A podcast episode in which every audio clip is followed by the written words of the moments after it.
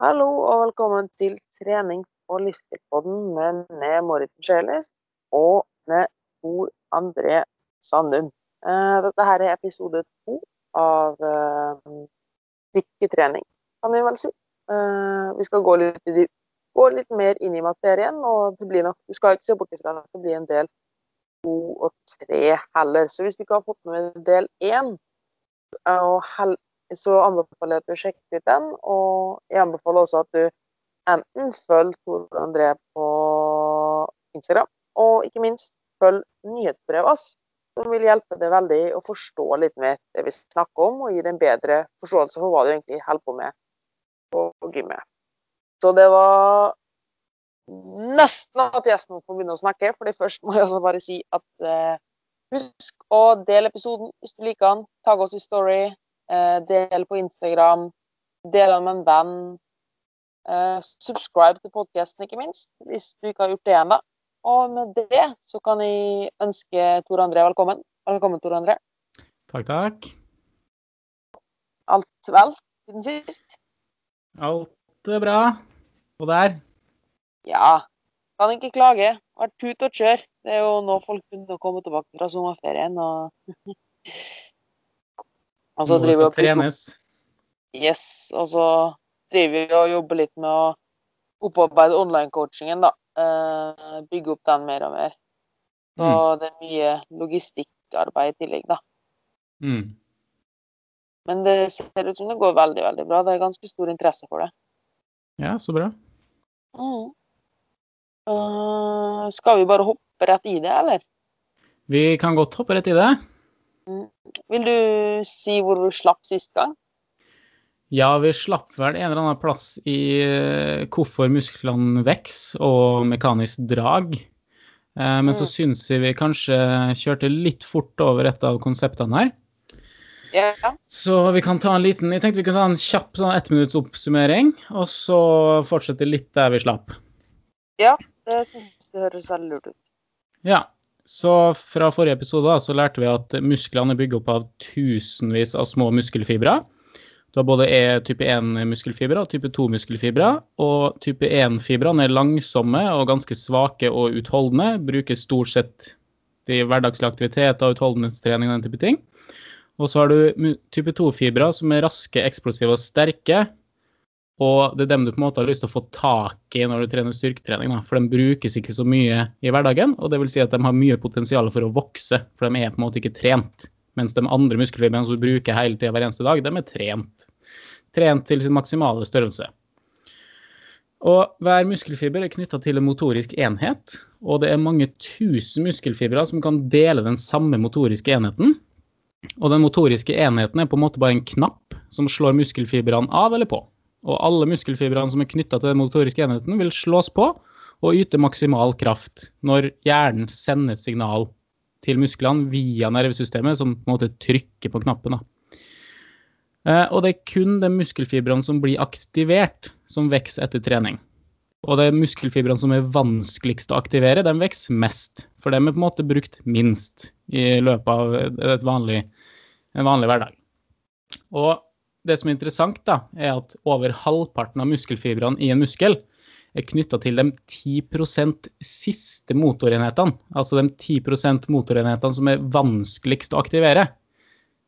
Og det er de motorenhetene du må få tak i for å få best effekt av styrketreninga. For hvis du ikke får tak i de 10% siste, så ligger halvparten av muskelen din og sover når du trener. Og da er det liksom ikke noe poeng, da. Mm. Og det er vel derfor vi også må ta i litt hardt på trening. Det er derfor man må ta i litt hardt. Og kraften som muskelen, altså hele muskelen i seg sjøl, utretter, det er stort sett bestemt av hvor mange muskelfibre som slås på. Så hvis du slår på halvparten av muskelfibrene, så får du halvparten av krafta. Hvis du slår på 70% av muskelfibrene, så får du 70% av krafta. Sånn rundt regna. Det, det er litt mer komplisert enn som så. Og dem som fulgte nøye med i forrige episode, dem fikk kanskje med seg at når du løfter en vekt som er 80-90% av 1 RM, altså av din maksimale løft, så aktiverer du stort sett alle motorenheter og alle muskelfibre. Og da kommer det kanskje noen kognitiv dissonans. OK, jeg har på 80% altså hvis jeg klarer å løfte 100 kg én gang, når jeg løfter 80 kg, så er alle muskelfibrene aktivert. Og de er enten av eller på, og gir enten maksimal kraft eller ingen kraft. Hvordan i alle dager klarer jeg da å løfte 100 kg? Mm. Ikke sant? Fordi at du har ikke flere muskelfibre å slå på. Men da kommer det noe som heter fyringsfrekvens. da. Og det trenger man egentlig ikke å vite så mye om, men kort sagt så betyr det bare at muskelfibrene fyrer oftere. Og det, det er sånn En muskelfiber som fyrer, vil ikke gi maksimal kraft på et nanosekund. Og den vil heller ikke miste all krafta på et nanosekund. Det er litt sånn delay her. Som vil si at hvis du fyrer muskelfiber oftere, så får du liksom en mer sustained power ut av den muskelfiberen. Og når du gjør det gjennom hele muskelen, så får du flere samtidige muskelfibre som fyrer hvis du fyrer dem oftere. Og da kan du løfte mer, da. Men det ble en litt sånn tangent, egentlig. Men det vi avslutta på forrige gang, som jeg følte vi ikke gikk så mye inn på, er at jeg sa det, eller jeg påsto at vekta du løfter, ikke har noe å si for hvilke resultater du kan få. Ja. Og så, ja, så snakka vi litt om at trening uten ekstern motstand i nybegynnere da, er vist å kunne gi positive effekter. Og hvordan er det sånn? Eh, altså, hvordan kan det da vise at, vi, at det er eh, mekanisk drag som fører til at, vi, at eh, musklene vokser, og ikke f.eks. Eh, metabolsk stress? Fordi hvis, Ja. man da løf, hvis man løfter med lette vekter, da, så er jo tanken er at da utsetter man muskelen for mye metabolsk stress, men ikke så mye mekanisk drag, og derfor vokser muskelen. Ja.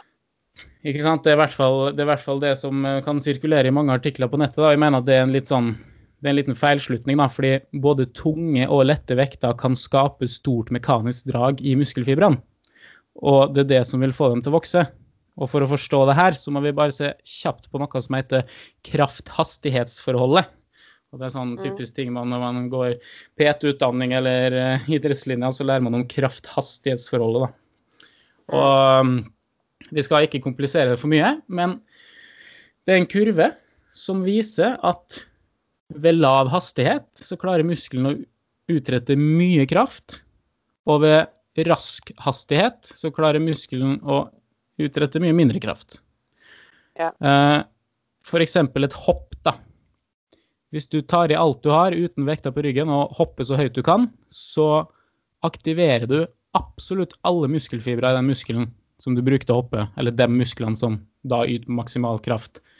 Men den maksimale kraften som de klarer å oppnå, er ikke så stor, fordi at eh, overlappen mellom eh, myosin og aktinfilamentet, altså alt går så fort inn i muskelen, så den rekker på en måte ikke å yte maksimal kraft. Så alle muskelfibrene blir aktivert, men det skjer ved lav kraft. Eh, og kraft-hastighetsforholdet sier også da at hvis du løfter en vekt sakte, Mm. da går kraften automatisk opp. Ikke sant? Mm. Men betyr det at du bare kan løfte en vekt sakte? Altså bare ha mye time under tension. Du tar en lett vekt som du klarer 100 repetisjoner på, så bare løfter du den sakte. Yter du mye kraft da? Uh, nei, egentlig ikke. Ikke hvis den er veldig lett, i hvert fall. Ikke sant? Fordi vekta er jo lett. Og Mm. bare fordi du løfter den sakte, så betyr ikke det at muskelen yter maksimal kraft. Så den, den kurva går liksom på eh, maksimal innsats, ikke sant? Så hvis du som løfter løfter med maksimal innsats, så vil det automatisk være slik at hvis vekta beveger seg sakte, så utrettes det mye kraft i muskulaturen. Og hvis den beveger seg fort, så utrettes det mindre kraft i muskulaturen. Mm. Og hvis jeg klarer 100 kg i benkpress én gang, og jeg legger meg under stanga med 100 kg på stanga, og tar i alt jeg har Jeg kaster ikke vekta opp i taket, ikke sant? Det går veldig sakte. Og det er litt Ja. det, da. Mm. Med at det er det vi må forstå med løftehastigheten. Vi må ha lav løftehastighet og høy grad av innsats samtidig for å få maksimal mengde mekanisk drag i alle muskelfibrene. Mm. Så hvis jeg, har en, hvis jeg har en lett vekt og løfter den sakte, så får jeg maksimal mengde mekanisk drag i kanskje halvparten av muskelen min. Men det er jo Mm. den halvparten som på en måte er allerede trent. Men det er vel... eh, det er, vel, det er vel også derfor du ser at eh, når folk trener med lette vekter, og når repetisjonene begynner å bli saktere, at da har liksom de små muskelfibrene, de type 1-fibrene som jeg allerede snakka om, da, de som egentlig allerede er fullhypertrofert, da, altså har nådd potensialet sitt, at de på en måte har tatt, har tatt kvelden, er utslitt, Ja. og så er det de neste fibrene som må begynne å jobbe, da. Det var sikkert litt det du ville inn på. Det er akkurat det jeg vil inn på. Så hvis jeg har 100 kg i 1RM da, i benkpress, og så legger jeg på Mm. 50 kg, da klarer jeg å løfte ca. 30 repetisjoner. Sånn pluss-minus. Det varierer litt fra person til person, men sånn ca. 30. da. Mm. Da vil jo de første 15 repetisjonene føles ganske lette. Mm. Fordi da er jo bare halvveis til 30, og det er ikke så tungt. Men så vil det begynne å føles tyngre og tyngre, og fra repetisjon 25 så vil det begynne å bli veldig tungt, og da vil jo løftehastigheten gå ned, og det vil være veldig vanskelig å løfte vekta. Og den siste repetisjonen i et sett med 30 på 50 kg føles akkurat like tung som om jeg hadde løfta 100 kg én gang. Ja. Så det, det er litt interessant at uh, løftehastigheten er akkurat like lav, og den siste repetisjonen i et sett med utmattelse føles ut som et 1 RM-løft. Men vekta har jo ikke endra seg underveis, ikke sant? så hvorfor er det slik? Og det er akkurat det du sa, da. Og da er vi tilbake på det vi snakka kjapt om forrige gang med Hennemanns størrelsesprinsipp, at vi aktiverer flere og flere motoriske enheter etter hvert som Altså de arbeiderne du snakka om, ikke sant. Kommer flere og flere arbeidere inn i bygninga. Så når jeg først begynner å løfte 50 kg, så aktiverer jeg først de eh, motorenhetene som er enkle å aktivere, og som stort sett er knytta til de type 1-muskelfibrene som allerede er, er utvokst. Men de kan ikke holde på for alltid. Sånn som du sa, på et eller annet tidspunkt så blir de slitne. Det bygges opp metabolitt i muskulaturen, og det hemmer kraftproduksjonen. Og da vil de ikke klare å yte like mye kraft, og for at vi skal fortsette å løfte den vekta, så må kroppen aktivere flere motorenheter. Og sånn går det oppover, da, hender man størrelsesprinsipp, helt til man har aktivert de motoriske enhetene som er vanskeligst å få tak i, og de muskelfibrene som vokser mest etter styrketrening. Så derfor kan man si at det med metabolsk stress da, det kan indirekte være med på å skape et mekanisk drag i muskulaturen, i de muskelfibrene som har størst vekstpotensial, fordi at det metabolske stresset fører til at de andre muskelfibrene blir slitne og ikke klarer å yte like mye kraft. Ja. Ikke sant? Og Det er også grunnen til at de siste fem repetisjonene i et sett med 30 repetisjoner til utmattelse føles like tunge som et sett der du bare klarer fem repetisjoner. Mye tyngre vekter på. Så det var liksom litt eh, derfor du kan løfte enten 50 kg eller eh, 100 kg og aktivere like mye muskulaturen, da. Mm. Mm. Så da har vi litt peiling på hvorfor muskulaturen vokser, og hvordan den er satt sammen. Og, og at det er mekanisk drag. Et lite spørsmål. Eh, Du sa at man vil eh, trene At man, kan, at man kan få muskelvekst så lenge man går nærme utmattelse, ikke sant? Det var slik du Mm. egentlig for å ta det veldig enkelt, da. Eh, Men du nevnte noe med 30 der. Hvorfor er det ikke sånn at de kan ta en blyant og bare løfte den til utmattelse? Altså, hvorfor, hva, fordi hvis det, hvis det hadde vært sånn at alt hadde fungert, det er jo sikkert litt vanskelig å svare på, men en maratonløper bør jo være, ha tidenes største eh, bein. Mest største bein, hvis man tenker på det slik, da. Eller er det fordi Mm. han Eller han får vel kanskje bare én Siden han går til utmattelse bare én gang, da, så hadde det vært som om han hadde tatt knebøy én gang, på en måte, kanskje? Ja, akkurat der så er det, blir det faktisk ekstremt komplisert. Og det blir så komplisert at jeg skjønner det ikke sjøl. Og jeg veit ikke om, om eh, du, Jeg tror du må være en ganske spesialisert forsker for å skjønne nøyaktig hva som skjer der. Men man ser i hvert fall i dem, på de studiene som undersøker eh, OK, hvor mye muskelvekst får vi hvis de løfter fire sett med ti repetisjoner til utmattelse? Eller 15, eller 20, eller 25, eller 30, eller 40, eller 50, eller 60? ikke sant? At man, man går oppover stigen bare for å se hva som ser, skjer. Så ser man det at når du når rundt 30, så begynner muskelveksten å avta. Så man har rett og slett bare sett det i studiet at opp til 30 repetisjoner til utmattelse, så får du like stor muskelvekst uansett om du løfter 10 til utmattelse eller 20 eller 30 til utmattelse. Men når du begynner å løfte 40 repetisjoner til utmattelse, så er det er det kanskje andre ting inni muskulaturen da, som fører til utmattelsen. Så det er ikke slik at du da fortsetter å aktivere de muskelfibrene som er veldig vanskelig å få tak i. De ligger på en måte der uaktivert, og så er det andre typer tretthetsmetabolitt eller sånn. Jeg er litt usikker på akkurat det, men i hvert fall så er det de studiene som fysisk har sjekka og ser at på en måte en slags cutoff på 30 repetisjoner til utmattelse, og etter det går det nedover. Mm. Mm. Det jo, men det er jo sikkert litt Det kan sikkert henge litt Altså, jeg har ikke peiling sjøl, men jeg tenker nå at det henger litt sammen med at um, At da begynner type 1-fibrene å komme seg igjen, da, på en måte. At de får restituert igjen, siden det har gått så lenge. På en måte at det, det, det er ikke fordi det, det som er hele greia her, da, hvorfor man skal trene utmattelse, er jo at Uh, Hvis du starter å løfte med lette vekter, så, så vil jo du begynner å bruke type 1-muskelfibrene, de som er veldig lett å aktivere. Og når de blir utslitt, så begynner man da å bruke mer og mer vanskeligere muskelfibrer, de som er vanskelig å få tak i. Det er derfor de blir tyngre og tyngre å løfte. Eh, til tross for at vekta er lik, da. For de har mindre og mindre arbeidere å gå på. Og en ting kunne jo vært at når du da har trener vel, med veldig, veldig lette vekter, at når du liksom har slitt ut arbeiderne igjen, så har de første arbeiderne henta seg inn igjen, da. Så det blir liksom Før de, før de siste blir helt slitt ut, så tar- de gamle over igjen, da. Men det er jo bare spekulasjoner. Ja, det kan være det, eller det kan være Det er jo ikke sant, Du har jo sånn kalsium som aktiverer eh, aktiverer muskelsammentrekninga. Det kan være blokkering av det på et eller annet vis. Det kan være såkalt afferent feedback i nerven som hindrer nerven i å, å fyre de muskelfibrene som er, er vi har lyst til å få tak i. Det, det er så mange faktorer at det, det er litt vanskelig å si for meg, i hvert fall. Mm. Mm. Men det blir vel uansett for nerdete for lytterne uansett. Ja, det, det, det, det blir nok det. Så det viktigste er å tenke på at så lenge du løfter Altså Nå sier jeg ikke at du skal løfte til utmattelse, det skal vi også gå gjennom. Men hvis du løfter til utmattelse, at du ikke klarer en eneste repetisjon til, så spiller det ingen rolle om du løfter 5, 10, 20 eller 30 repetisjoner. Du får akkurat like mye muskelvekst av det. Mm. Viser i hvert fall forskninga. Mm. Og da er det jo egentlig en fin segway inn til hva treningsvolum er for noe, da. Og hvordan vi kan kontrollere det.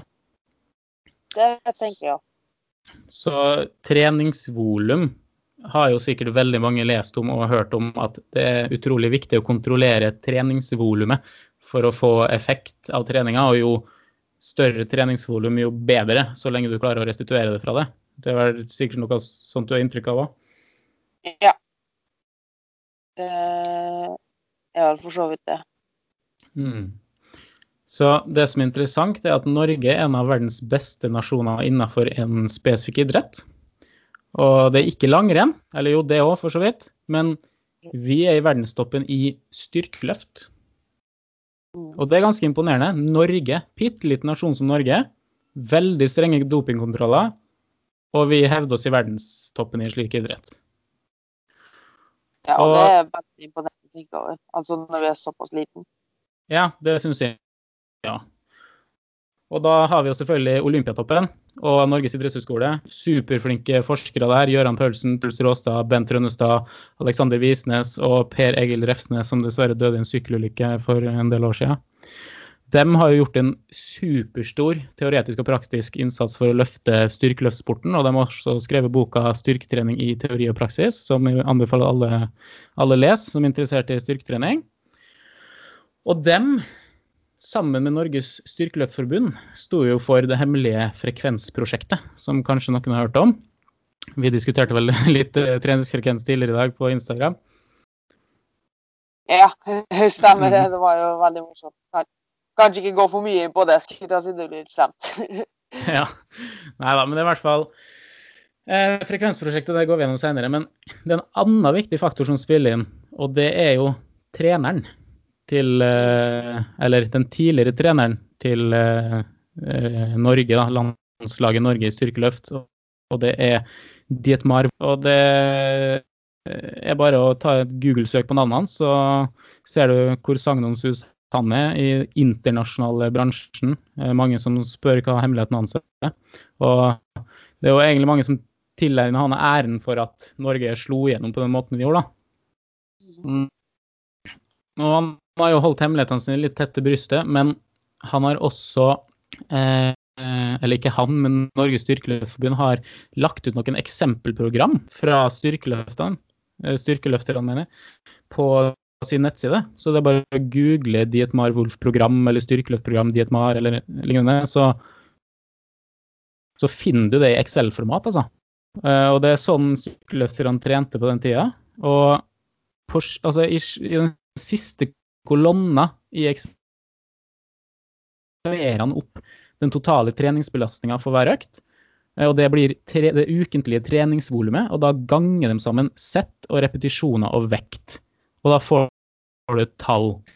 Så ti repetisjoner ganger fire sett ganger 100 kilo er 4000 mm. kilo. Fire tonn, ikke sant? Så da har du løfta fire tonn i benkpress da, f.eks. denne uka. Ja. Ikke sant? Eh. Så ser du neste uke at du klarte litt mer, og da har du et høyere ukentlig treningsvolum. Mm. Eh, vil du skyte inn noe der?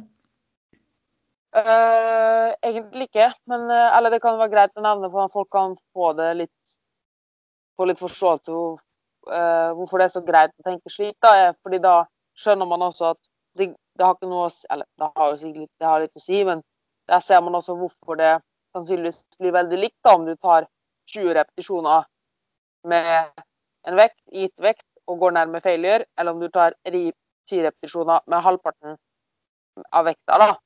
Men også går til utmattelse, fordi totalt så løfter du like mye vekt.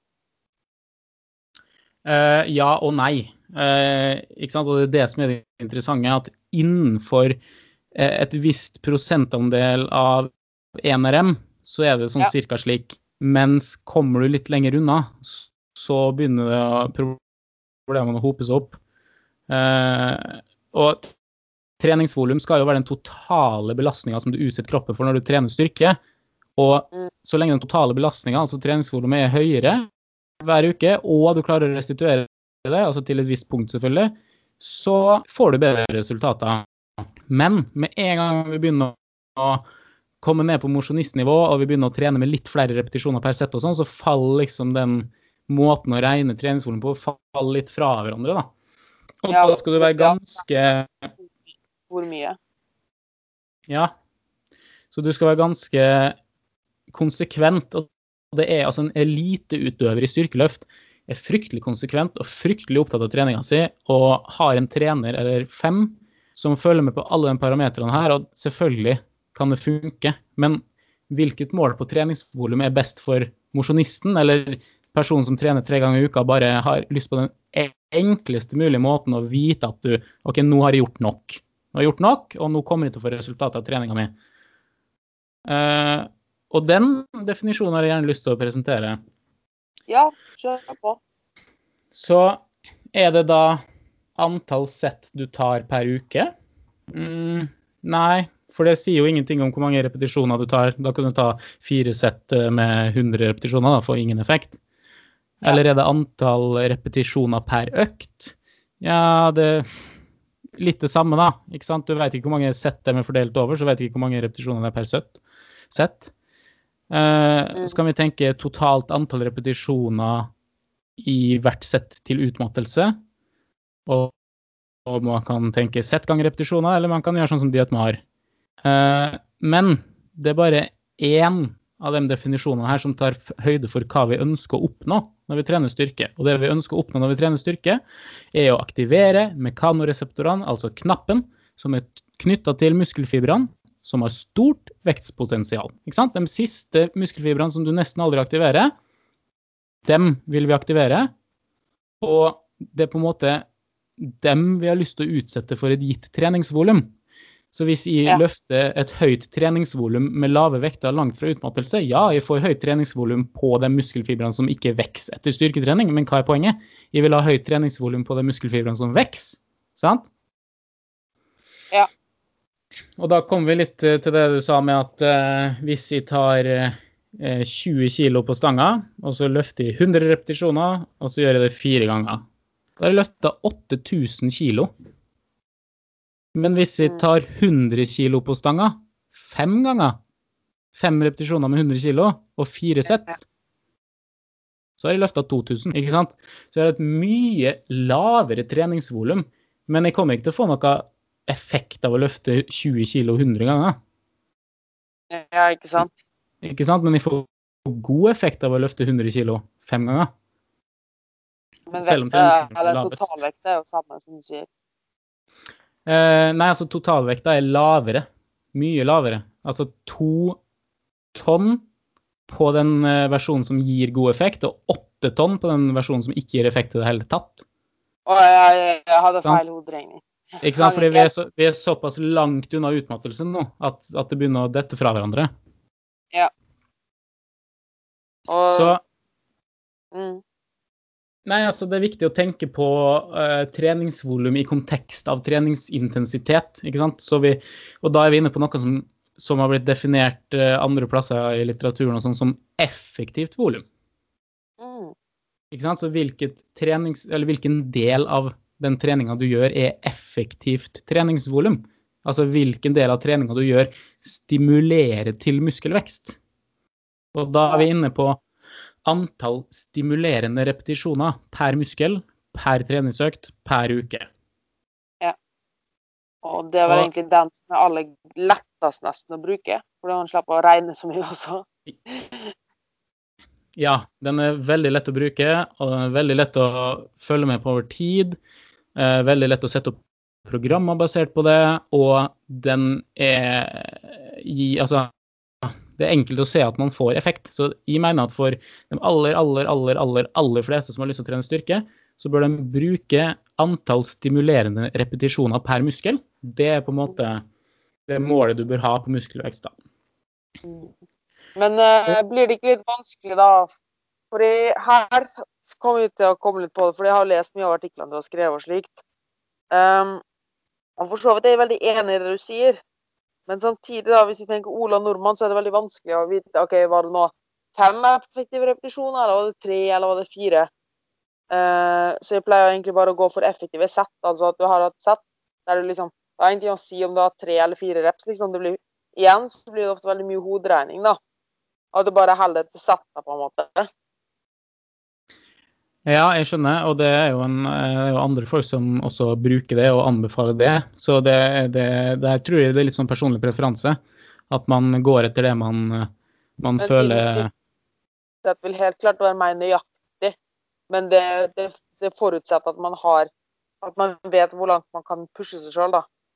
Ja, det gjør det. Så du, du vil få mest ut av deg hvis du kjenner din egen kropp litt, og det mener jo at man, man burde begynne styrketrening, eller om man har trent styrke lenge også, men bare trent litt sånn av og på, så burde man, man starte å tenke at okay, jeg må, jeg må kjenne min egen kropp, jeg må vite hvordan føles utmattelse. Hva er Mm. utmattelse? Ikke sant? Ta med en PT eller ta med en treningskompis som har god peiling, og løft med god teknikk. Og når du tror du ikke klarer en til, så tar du en til. Og når du tror du ikke klarer neste, så tar du neste. Og så fortsetter du sånn, og kanskje klarer du fire til der du trodde du klarte ingen. Mm. Og når man etter hvert lærer seg å kjenne i de forskjellige løftene, så kan man Det viser studiet også at eh, de som er erfarne, kan beregne hvor mange repetisjoner det er igjen til utmattelse. De som er aller best på dette, det er vel faktisk kanskje bodybuildere og styrkeløftere. Spesielt bodybuildere, siden de er flinkere i høye repetisjoner. Mm. Eh, Men her er, det jo, her er det jo igjen en liten utfordring, da. At når du Dette blir jo vanskeligere og vanskeligere desto høyere opp du kommer i repetisjonene. Mm. Som er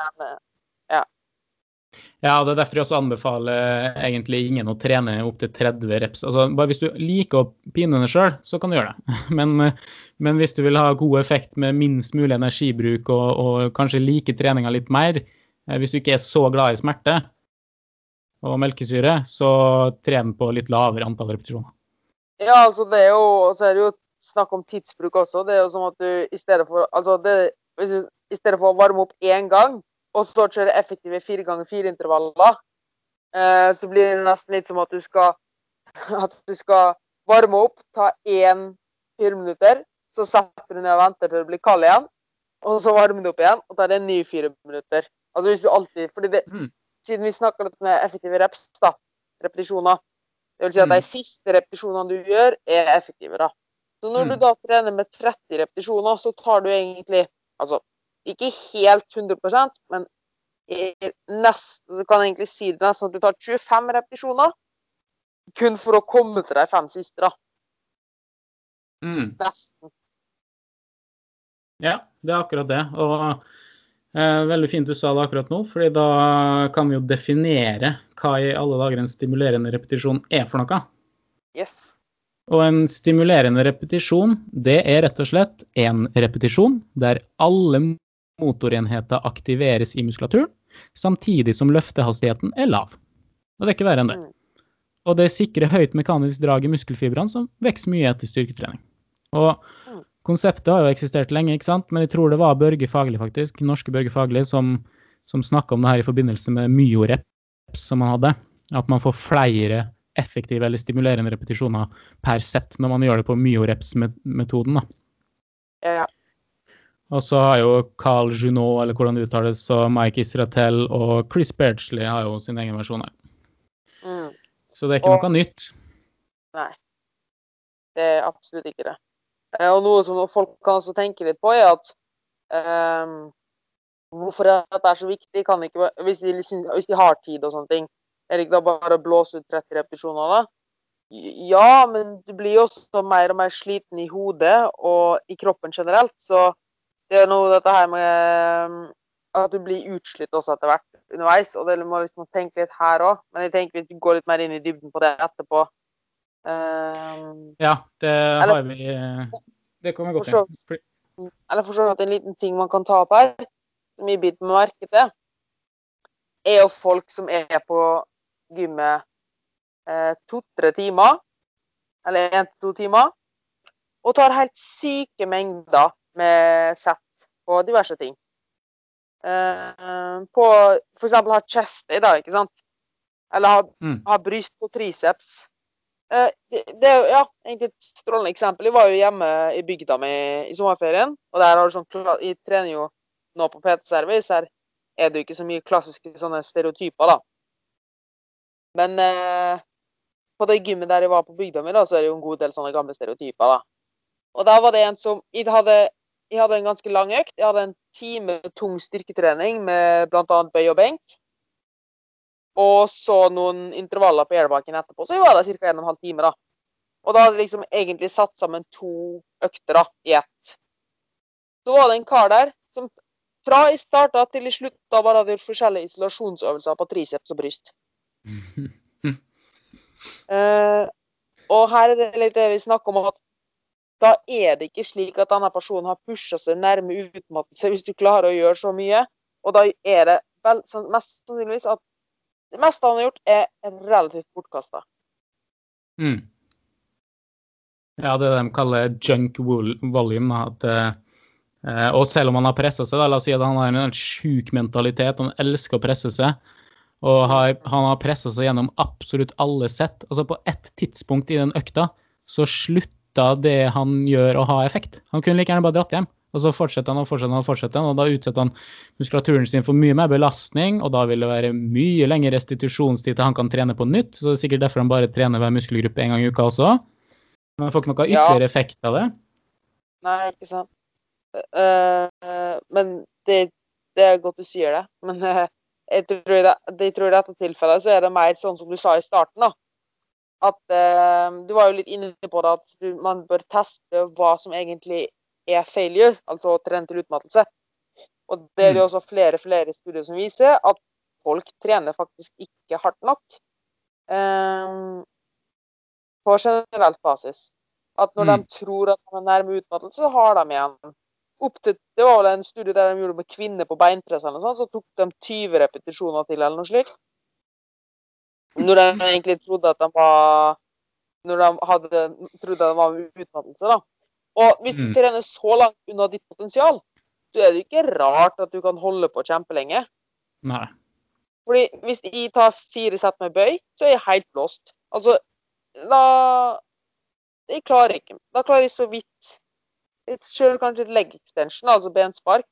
Men ellers så klarer jeg ingenting på beina lenger i den økta. Mm. Eller jeg hadde klart men ikke aldri kjenner jeg ikke har hatt sutten, da.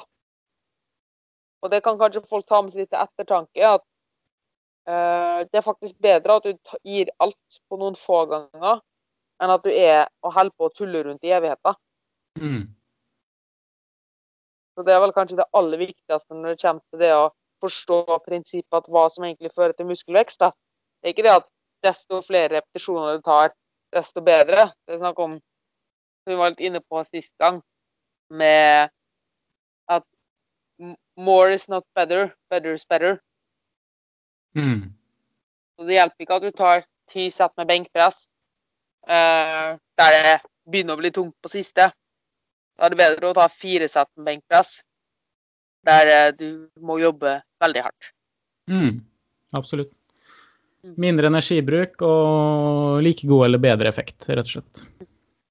Kalorier kan du brenne på tredemølla etterpå, eller bare med Mm. å gå rundt. Eller å tenke veldig, veldig hardt. Ja. ja, nei, det er viktig det. Og det kommer vi også inn, til, eh, inn på eh, om en intensitet også. Skal vi snakke litt om det. Jeg har noen eksempler på det ja, som er litt interessante. Men, eh, Men, eh, tilbake til stimulerende repetisjoner. Ja, vil du bare fort Sorry at jeg avbryter litt, men siden vi kom på en liten tangent her, eller en liten avvei, vil du bare Mm. fort uh, si hva du har snakka om til nå, sånn at folk er med igjen, på en måte, hvor vi er? Ja. Eh, Vi oppsummerte litt eh, hvordan musklene fungerer. ikke sant? At vi har forskjellige typer muskelfibre, og at vi har en del av muskelen som kunne aktiveres når det blir veldig, veldig tungt. Og det er den største delen av muskelen, og det er den delen av muskelen, altså, det er de muskelfibrene da, som vokser mest under trening. Eller etter trening. Og musklene vokser fordi det blir høyt mekanisk drag i de muskelfibrene her. Eh, og det kan skje uavhengig om du har eh, mye vekt på stanga eller ikke så mye vekt på stanga, fordi muskelfibrene bryr seg ikke om hvor mye vekt det er på stanga, de bryr seg om de er slått på eller Og de bryr seg om de må ta i hardt under en langsom muskelsammentrekning eller, ikke. Det er det de bryr seg om. Så når det begynner å bli tungt, uansett om jeg har på min, eh, en vekt der jeg klarer 5 eller der jeg klarer 30 repetisjoner, når det begynner å bli tungt og vekta begynner å bevege seg sakte, selv om jeg tar i alt jeg har, da har jeg stort mekanisk drag i alle muskelfibre, og da får jeg effekt av treninga. Det er egentlig så enkelt vi kan oppsummere det. Ja. Og en stimulerende repetisjon er på en måte en repetisjon der det her skjer. Så det vil si at eh, hvis jeg løfter 20 kg 100 ganger, så er ingen av repetisjonene jeg gjør egentlig stimulerende, fordi at jeg har ikke aktivert de muskelfibrene som vokser mye etter trening. Mm. Men hvis jeg gjør fem repetisjoner på 100, så vil sannsynligvis alle repetisjonene være stimulerende. Fordi da har jeg både hatt lav løftehastighet og full innsats. Mm. Og du kan se litt nærmere, se det fra en annen vinkel. Ok, Alle motorenhetene du kan få tak i, er aktivert ved løfting på omtrent 80-90% av NRM. Det snakka vi om. Ja. Og så viser studier, nei, studier viser at du kan løfte alt fra 12 til 7 repetisjoner med den vektene her. Så hvis jeg tar 80% av min NRM, så kan jeg løfte 12 repetisjoner. Men betyr det at alle de 12 repetisjonene i det settet er stimulerende? Nei. Det var jo litt det vi snakka om i sted. Ja, Ja. ikke sant? Høy aktivering i muskulaturen betyr ikke nødvendigvis høyt mekanisk drag. Vi må også ha lav løftehastighet. Og de første repetisjonene i et sett på 80 der jeg tar 12, altså repetisjon nummer 1, 2, 3, 4, 5, 6 og kanskje til og med 7, går relativt fort Mm. eh, hvis jeg løfter med full innsats. Så der får vi ikke det høye mekaniske draget. Mm. Ja, og det ser vi også i studier om eh, muskelvekst av dem som prøver å finne en sammenheng mellom treningsvolum og muskelvekst. Betyr økt treningsvolum økt muskelvekst, eller gjør det ikke det? Og i mange studier så gjør det ikke det. Hvis du, hvis du øker treningsvolumet i mange studier, så får de ikke bedre effekt. Mm. Hvorfor ikke? Vi har nettopp sagt at det er viktig. Du må ha høyere treningsvolum. Jo, fordi da har de økt det ineffektive treningsvolumet. Mm. Sant? Og Da- da får de De ikke. heller rett og slett de Og jeg tror mye av det handler om psykologi. Litt det vi snakka om i starten. Hvis du skal ha eh, tolv sett med benkpress, da. Ikke faen, beklager ordbruket, men du, gir ikke alt for de første åtte setta. Mm. Du heller igjen. Og det gjør du helt mentalt i hodet uten å tenke, eller helt automatisk i hodet uten å tenke over det. Så det vil også ha veldig mye å si, kan en tenke med, da. Til, også det i tillegg til at du gjør mange repetisjoner som bare er for, for ingenting, skulle jeg si. Mm. Men også det at du rett og slett bare ikke klarer å pushe det tilstrekkelig når du skal. Ja, og så er det også litt med den eh, definisjonen de har på treningsvolum i studiene òg. Så eh, det er jo en del studier som har definert det som antall sett ganger repetisjoner. Eller antall repetisjoner ganger vekt, ikke sant? Eller antall sett ganger vekt ganger repetisjoner. Og de studiene, der finner vi ingen sammenheng. F.eks. så var det en studie som viste at et lavt volum og et høyt volum ga akkurat like mye muskler. Og hvorfor det? Jo, fordi at alle gruppene, hvis du ser hva de gjorde, alle gruppene, gruppene løfta like mange sett til utmattelse. Det var bare den ene gruppa løfta lettere vekter og flere repetisjoner, og da går volumet opp hvis du har sett ganger reps ganger vekt osv. Mm. Men hvis du definerer volumet som antall sett til utmattelse, så går det ikke opp fordi det var likt. Det var samme antall sett til utmattelse. Mm. Ja. Det er jo, for å ta det helt ekstremt, og sånn at folk skjønner det enda bedre eh, hvis, en, hvis en mann da på 100 kilo går i trappen Han bare går opp og ned i trappen iblant. Så tar, løfter han jo med 100 kilo med beina sine. Han tar jo en halv knebøy ekstremt mange ganger i løpet av dagen. Han tar jo helt Altså sikkert Ja, det er helt Altså, jeg vil ikke tenke hvor mange trapper man går, men la oss si han er ganske aktiv da, og tar 1000 trappetrinn om dagen. Det er han oppe i 100 000 kilo løfta på en dag. Men de, han har jo ikke store lår for det om. Altså, han har jo ikke sterke Han får ikke muskelvekst pga. det. Hvis han bare går trappa liksom, uten å bli sliten. Nei, han har jo sannsynligvis fått en del ekstra muskelvekst enn en lett person allerede, ikke sant? men så har han maksa ut det, da. Og så får han Han blir ikke noe bodybuilder av å gå i de trappene. Det blir han ikke. For hvis ikke, så hadde du, som vi var inne på i stad, så hadde jo egentlig maratonløpere da, vært hadde verdens største legger. For de tar jo helt latterlig mange repetisjoner på leggene. Men Mm. de er jo så langt, ut, langt ifra utmattelse. Mm. Absolutt. Og det er kun høyere volum definert som antall sett til utmattelse, som du sier, som fører til større muskelvekst og økninga i styrke. Mm. Eh, men det betyr ikke at man alltid skal trene til utmattelse. Det betyr det ikke. Og det skal vi se på når vi snakker om treningsintensitet. Men jeg vil liksom først naile helt det her med, med stimulerende repetisjoner først. Bare sånn at man forstår det inn og ut. fordi hvis du forstår det her, så blir det veldig lett å se om treningsprogrammet ditt funker. Altså det, blir veldig, det er litt matematikk, men hvis du klarer pluss og minus, så, og kanskje gange, så får du det til.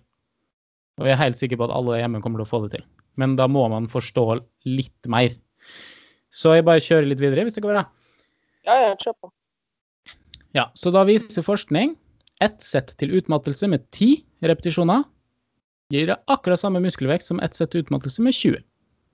Ikke sant? Og da kan vi anta at det kun er de siste repetisjonene i et sett til utmattelse som gir god effekt. Akkurat som du sa. ikke sant? Hvis du løfter 30, kanskje de siste fem. Ja. Men er det, de, er det de siste fem, eller er det de siste to? Eller er det de siste seks? Mm, vanskelig å si. Men vi kan også dykke inn i forskninga her og sammenstille en del, en del studier. fordi at på et eller annet tidspunkt så finner man jo grenser for antall stimulerende repetisjoner.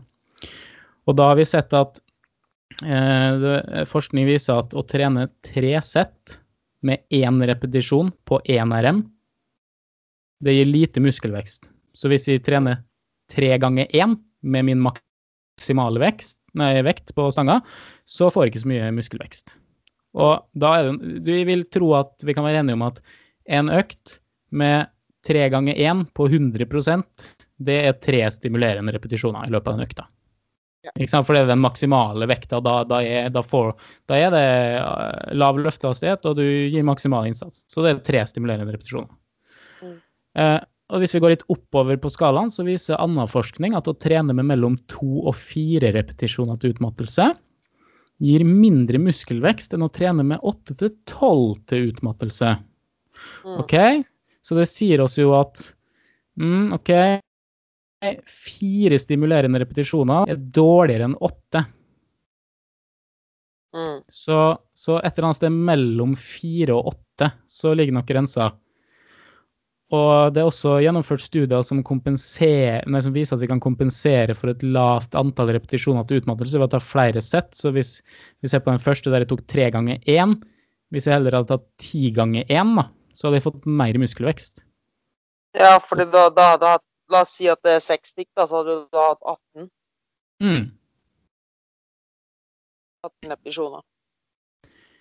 Og Siste studien eh, som jeg har lyst til å nevne, den lot forsøkspersonene stoppe å trene før de nådde utmattelse. Og snittverdien i den studien var at de stoppa 4,4 repetisjoner fra utmattelse ca. 4,5. Noen stoppa 4, noen stoppa 6 osv. osv. Eh, men snitteffekten av å stoppe 4,4 repetisjoner fra utmattelse var at de opplevde litt muskelvekst. Og det er liksom vanskelig å få hodet sitt rundt der, men for å oppsummere, så det tyder på at antallet stimulerende repetisjoner i et sett utmattelse, det er over fire. For de hadde klart mer enn fire når de stoppa. Mm. Og basert på all forskninga så kan vi da si at mm, mellom fem og åtte stimulerende repetisjoner i et sett utmattelse. Ja. Og sannsynligvis så ligger tallet nærmere fem enn åtte. Mm. Uten at de kan garantere det, men det forenkler også matematikken litt. Så vi kan bare si at det er fem repetisjoner som stimulerer til muskelvekst i et sett utmattelse. Så hvis du og jeg løfter et sett med ti repetisjoner til utmattelse, altså at vi, vi klarer ikke elleve, men vi presser ut ti. Da vil kun de siste fem repetisjonene, nummer seks, sju, åtte og ni, vil stimulere til muskelvekst, og nummer én, to, tre og fire og fem vil ikke stimulere til muskelvekst. Mm. Og det er ingen hard cutoff. ikke sant? Det er ingen hard cutoff. Selvfølgelig stimulerer repetisjon fem og fire litt til muskelvekst. Men det er bare at seks, sju, åtte og ni stimulerer så mye mer. ikke sant? Så det, det er en sånn kurve som er ganske bratt. da bratt fra nummer fem der og oppover, og så flatna av mot nummer ti. Mm. For dem som ikke hang helt med nå hva Tor André sa, så var det egentlig, egentlig det var gjort veldig veldig mange studier um, hvor man prøver å finne ut OK, hvor mange repetisjoner er det egentlig som er sånne der effektive repetisjoner? Uh, og da har man tatt forskjellige stikkprøver. da, da Man har testa ut latt folk trene til fire repetisjoner, med én repeti maksrepetisjon, slike ting. Og med også veldig høye repetisjoner, så har man prøvd å snevre inn nåløyet da, og finne ut hva som gir mest muskelvekst da, av eh, om man trener med åtte repetisjoner til utmattelse, eh, eller om man trener med to repetisjoner til utmattelse, og slike ting. da. Så det er egentlig bare å snevre ned et nåløye for å finne ut hvor, hvor den lista ligger, da, på en måte. Mm. Og akkurat det forteller oss jo at i ethvert sett til utmattelse, i hvert fall så lenge vi holder oss innenfor 30, da, som vi snakka om tidligere, så er det like mange stimulerende repetisjoner. Så om vi tar, om vi tar 3 ganger 10 til utmattelse, eller om vi tar 3 ganger 25 til utmattelse, så får jeg samme effekt av treninga fordi at det er fem stimulerende repetisjoner både i settet med 10 og settet med 25. Ikke sant? For i settet med 25 så er det nummer 21, 22, 23, 24 og 25 som er stimulerende. Og i settet med 10 så er det nummer 6, 7, 8, 9 og 10, og det er 5. Så egentlig så trenger vi ikke å gange opp tre sett ganger 25 reps. Vi ganger tre sett ganger fem stimulerende reps. Mm. I begge tilfellene, og det blir 15. Og det skal gi like mye muskelvekst, og forskninga viser at det gjør det. Det gir like mye muskelvekst. Så liksom forskninga gjør at teorien holder vann. Og da, da, det syns jeg er så greit, for det er en veldig enkel måte å regne på. Det er det. Um, men, og det viser jo også hvorfor det kan være litt dumt å bare Folk uh, Veldig mange møter ofte at de møter litt veggen, da, eller merker at de slutter å få fremgang.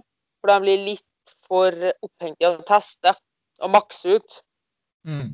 Eh, og det er jo litt akkurat motsatt side av det å ikke pushe hardt nok, er at de er altfor opptatt av å ta tunge enere og tunge toere. Og da latter mm. du jo så mye ligge igjen, for det er jo drittungt, og du må ha lange pauser til å ta en. En effektiv enrep.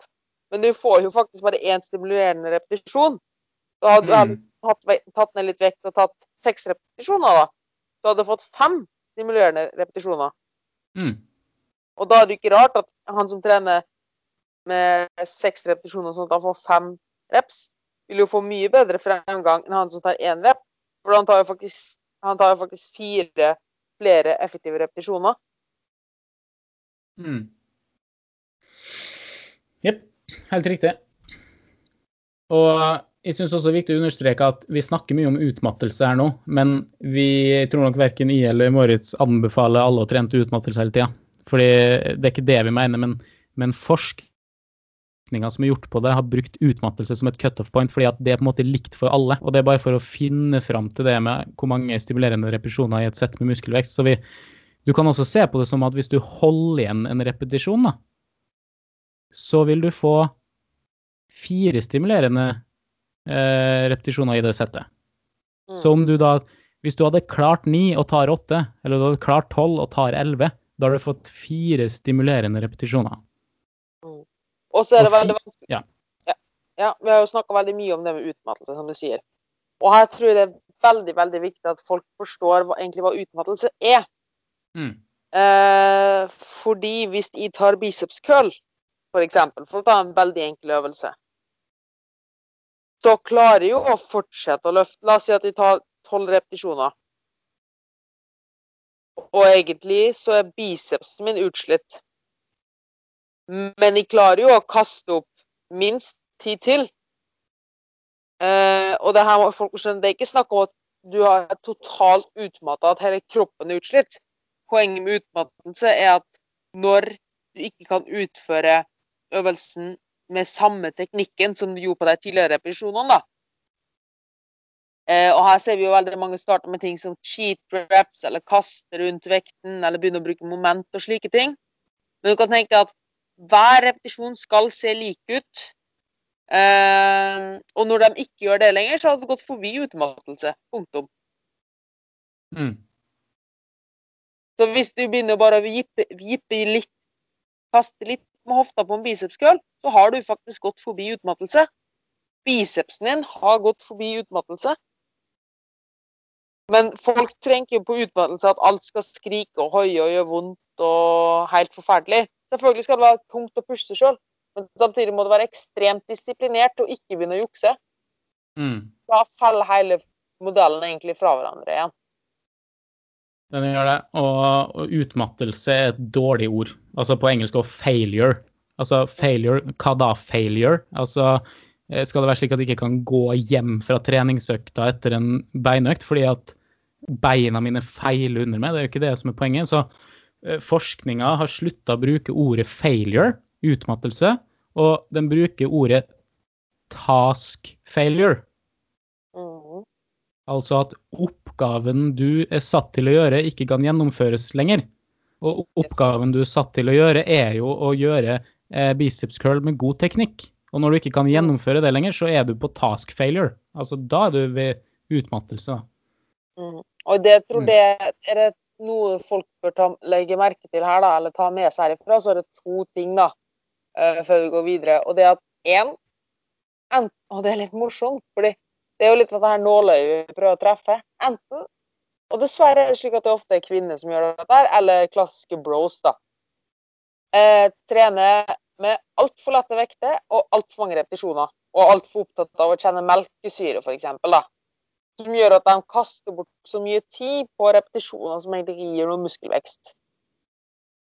Eh, og så har du på den andre siden dem som bare har misforstått helt konseptet med failure og tenker go, ha uh, go hard or go home. Uh, og kaster rundt seg med Det Tar en nedtrekk der de egentlig nesten tar en rygghev i samme slengen. Og så der de på hver gang lener seg langt bak, tar Mm. benspark eller seg sånn rumpa syk opp i været for å få kraft. Mm. Selvfølgelig klarer du å ta mange flere repetisjoner, men du gjør jo faktisk ikke det du skal. Du Mm. bruker jo andre muskler. Så du har liksom de to ekstrempunkter, da. Og det er veldig få som vi ser, som klarer å holde disiplinen. Som vi ser at, at faktisk stanga blir saktere og saktere, men tek teknikken er perfekt opprettholdt. da. og så slutter de før de begynner å jokke og kaste rundt seg. Mm. For det, så ser du at stanga egentlig har akkurat samme farta hele veien. Eh, og da ser du ok, det er en indikasjon på at dette var litt lett. Eller så ser du at han bare begynner å tulle rundt med teknikken, at egentlig ingen av repetisjonene er like. Mm. Og da er det sannsynligvis for tungt. Mm. Så da er det bare fort brief recap da, der du snakka om, hvordan du kan bruke det praktisk. Ja, absolutt. Og da så er det viktig for folk da å huske på i den forbindelse at uh, du kan kompensere for å ikke trene til utmattelse bare ved å ta flere sett. Det er det som er så fint med den stimulerende repetisjoner-teorien. Så Mm. hvis vi tar tre sett ganger fem til total utmattelse, som vil si da at de siste reppene er liksom en grinder, og, og hvis vi skal ta en til, så må jeg på benkpress f.eks. løfte rumpa. Da har jeg løfta tre ganger fem til utmattelse. Det vil si tre ganger fem stimulerende reps. Det vil si 15 stimulerende reps i benkpress. Mm. OK, fint. La meg holde igjen en repetisjon, da. Og løfte La oss si eh, tre ganger seks, da. Og så klarer jeg egentlig sju, eller tre ganger fem, og så klarer jeg seks. ikke sant? Jeg, holder igjen en repetisjon. Jeg er én repetisjon unna utmattelse. Mm. Da blir det tre ganger fire som er tolv. Ja, det er jo mindre enn 15, så vi får dårligere effekt. Ja, slenge på et sett, da. Tar vi fire sett istedenfor tre. Da er det plutselig 16 repetisjoner. Det er jo bedre.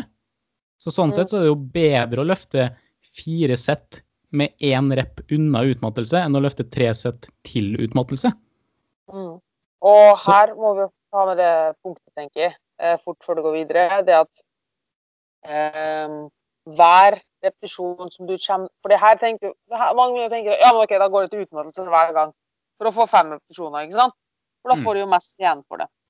Men det folk må huske på, er at hver repetisjon som du tar nærmere utmattelse, krever La oss si, bare for å overdrive, dobbelt så mye av det. Eh, av kroppen, da. Så du vil sannsynligvis bli mer sliten av å ta tre sett med eh, der du går helt til utmattelse, både i hodet og i kroppen, kontra det å ta fire sett der du har igjen én i tanken. Mm. Derfor vil det sannsynligvis være mer gunstig å ta fire sett med én repetisjon i tanken, kontra det å ta tre sett med ingen repetisjoner i tanken. Absolutt. Og her er det to viktige ting å understreke. Eh, når du kjenner at oi, nå klarer jeg bare én til, og så stopper du, gjør du virkelig det? Sant? Mm. Da går vi tilbake med det der. Kjenner du kroppen din nok? Hadde du virkelig bare én igjen, eller hadde du tre igjen? For det gir stor forskjell på resultatene dine. Så lær kroppen din å kjenne godt i de forskjellige øvelsene først, sånn at du veit når utmattelse eh, oppstår. Og da veit du når du er én rep fra utmattelse, og så stopper du der. Og så teller du OK, det var fire stimulerende reps. Mm. Så enkelt kan du gjøre det. Det var Ja. eh, en av de tingene som jeg bruker aller mest, da, det er jo litt bodybuilderaktig. Og det funker ikke like bra på baseøvelser. Der er det egentlig bare å kjøre på, skulle jeg si. Men eh, på litt mer isolasjonsøvelser, da, altså øvelser der du sikt prøver å treffe enkelte muskelgrupper, eh, så er det noe som heter mind-muscle connection. For det kan sikre oss at vi holder samme teknikken, og at vi kjenner at når den lokale muskelen, den vi prøver å trene, er utslitt. da. Eksempel hvis du tenker på bicepsen da, når du tar en bicepskøl, så vil du mest sannsynligvis gjøre den teknikken. Vil, altså hvis det, hver repetisjon kjennes lik ut i bicepsen, eh, så vil mest sannsynligvis også du gjøre repetisjonen likt med teknikk. Og når du begynner å kjenne det mindre i bicepsen, men mer i rumpa eller skuldre og slike ting, så vet du at ok, nå har bicepsen gitt opp. Du bruker veldig mye mind-muscle connection for å kjenne etter at teknikken fortsatt er på plass, og når du nærmer deg utmattelse lokalt. da. Mm. Jeg er veldig glad for at du nevnte det med at du stort sett bruker det på isolasjonsøvelser, for det, det er ganske spennende forskning på det her. Eh, og den er litt motstridende. Og det kan se ut faktisk for personer som ikke er så avansert, altså ikke eliteutøvere, da. Eh, og i baseøvelser som benkpress og sånn, så vil faktisk det motsatte fokuset, altså et eksternt fokus, eh, kunne gjøre at de presser ut flere repetisjoner. Så der ser de at de som tenker på muskelen sin i en baseøvelse, de klarer færre repetisjoner enn dem som bare tenker opp, opp, opp, opp, opp. Ikke sant? At vekta skal opp, da. Men det, Men det er jo fordi at det er så mange andre muskler involvert. Mm, det blir altfor mye. Det blir, det blir, man klarer ikke å fokusere, da. Så Hvis man da f.eks. skulle ha fokusert på låra sine, så hadde man ikke klart å aktivere rumpa like mye. da. Så det Mind muscle connection, altså tenk på musklene du bruker, funker best på eh, isolasjonsøvelser. Mm.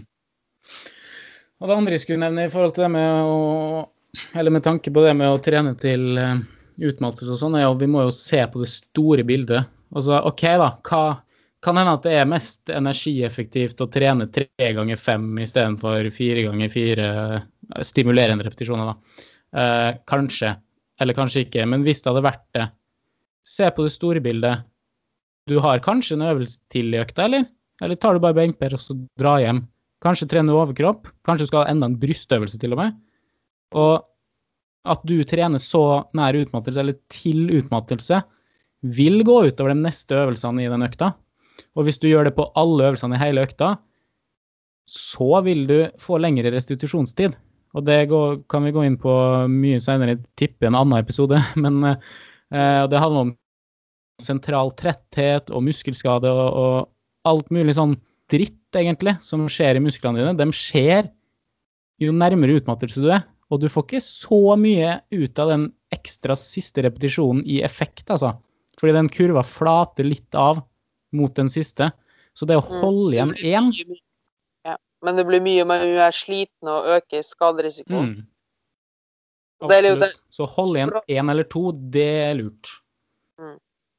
Eh, helt til slutt, før du går på prakt før jeg tenker at du kan gi en liten sånn uh, kjapp oppsummering og kanskje noen praktiske takeaways. da, for jeg tror For veldig veldig mange det er veldig tungt å forstå. Mm. Og jeg tror veldig mange bør høre denne episoden både to til tre ganger, eller lese nyhetsbrevet først og fremst, og så kanskje gå tilbake og lytte.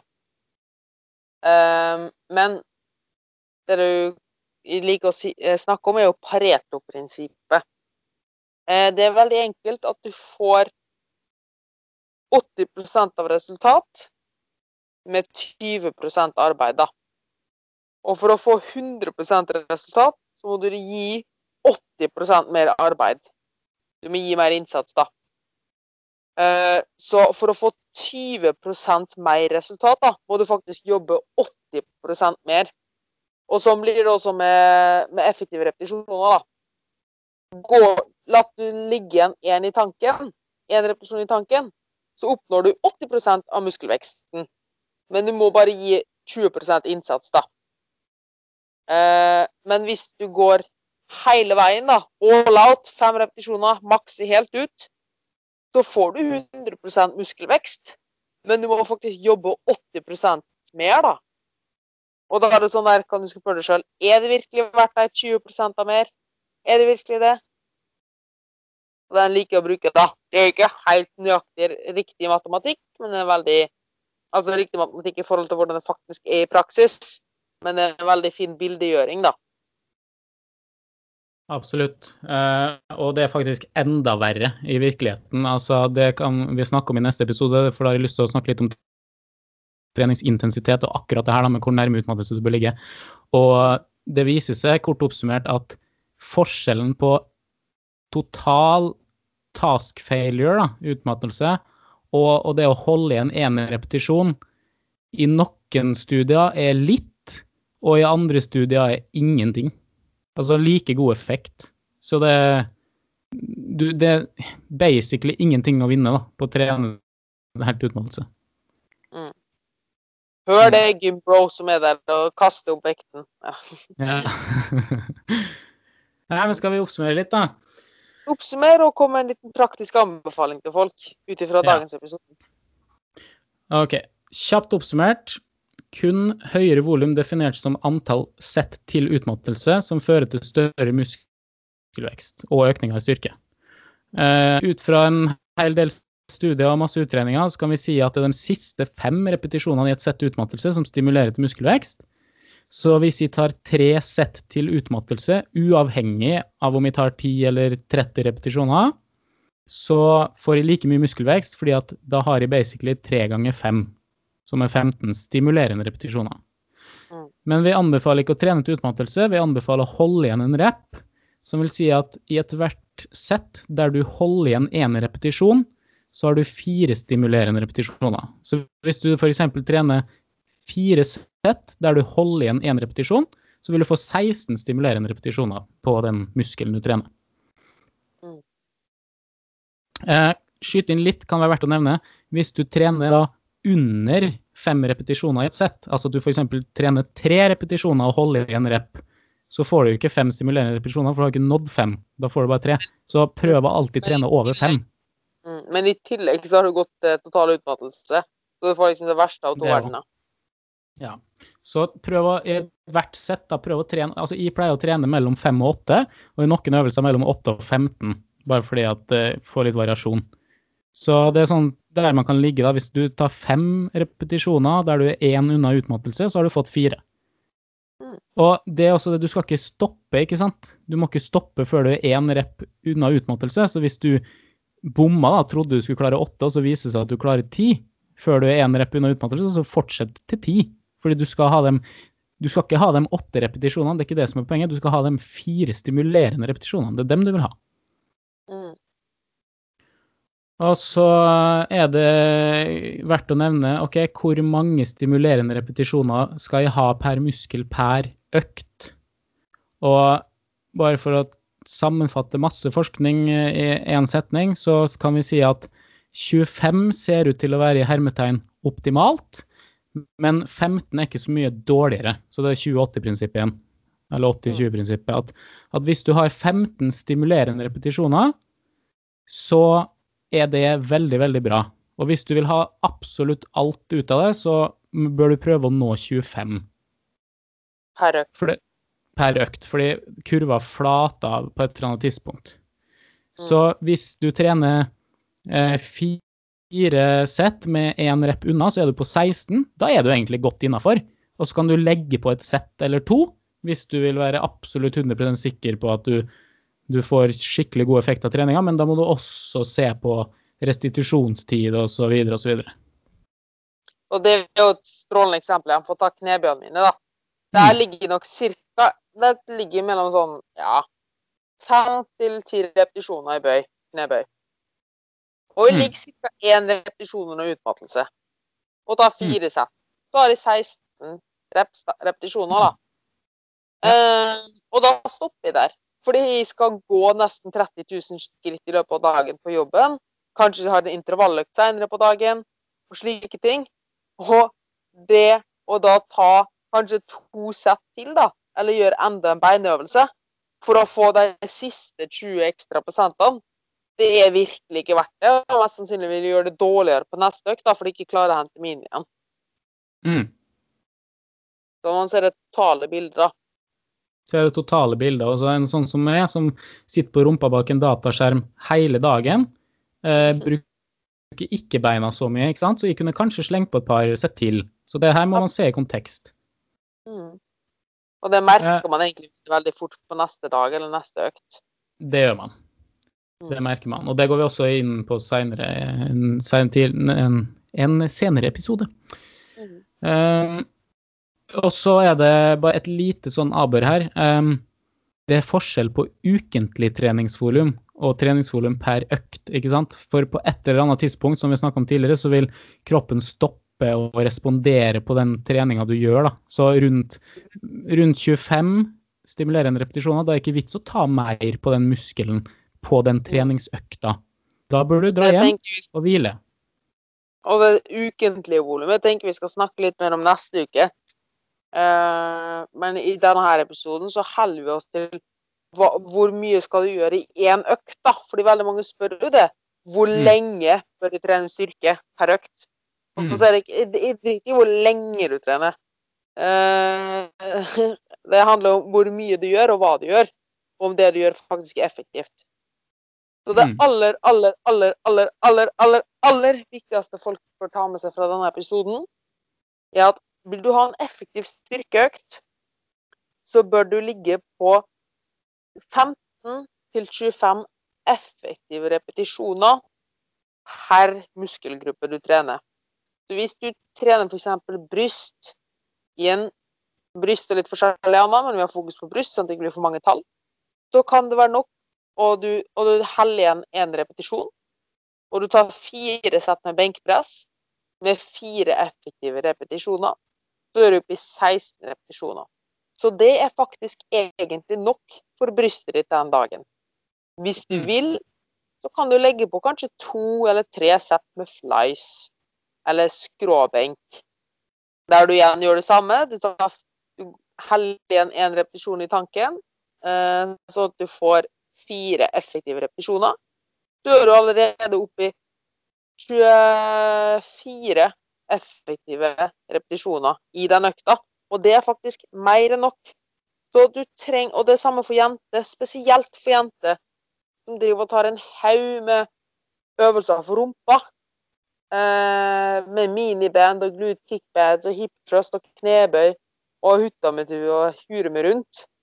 Eh, og det er sånn Ta nå fire tunge sett med knebøy eller hip thrust og litt miniband etter, og en eller annen litt mer isolasjonsøvelse etterpå. Det er nok. Du får ikke mer sprettrumpe av å gjøre mer. Punktum. Mm. Mm. Ja, bra oppsummering. Mm. Konge. Så vil du tease litt til neste episode, eller hva vi skal snakke om? Bare sånn ett minutt eller noe sånt? Ja, det kan vi gjøre. Eh, neste episode så kan vi nevne hva som er taket for effektivt ukentlig treningsvolum. Eh, det vil jo gå litt inn på hvor mange ganger du bør trene, eller hvordan du bør legge opp treningsøkta di med eh, hvor mange sett du har i en gitt økt, kontra hvor mange økter du skal ha per uke for den muskelen. Hvis det er interessant, så kan vi gå gjennom litt fallgruver knytta til det med stimulerende repetisjoner som mål. Eh, og så syns jeg vi skal gå rett inn på intensitet. Eh, hvor, hva, hva er treningsintensitet? Hvilket mål er det vi bør bruke på treningsintensitet? Eh, hvordan kan du sikre deg at du trener med riktig intensitet? Og hvordan kan du styre intensiteten i en treningsperiode? Det kan vi snakke om neste gang. Ja, det syns jeg er veldig fint oppsummert. Og hvis dere har tilbakemeldinger til meg eller Sandum, så send oss bare en melding på Instagram, tror jeg nesten er lettest. Eh, Hvis dere syns det var for nerdete, eller ville ha det mer nerdete, eller det er noe som var uklart som dere vil vi skal ta opp igjen, så send oss en melding på det òg, selvfølgelig. Uh, og anbefal den gjerne videre til noen andre som du kanskje kjente igjen i det du hørte. Og med det så sier jeg tusen takk for at du hørte på. Og igjen så minner jeg på at lik, del, subscribe og alle rare greiene der, eh, det setter vi pris på.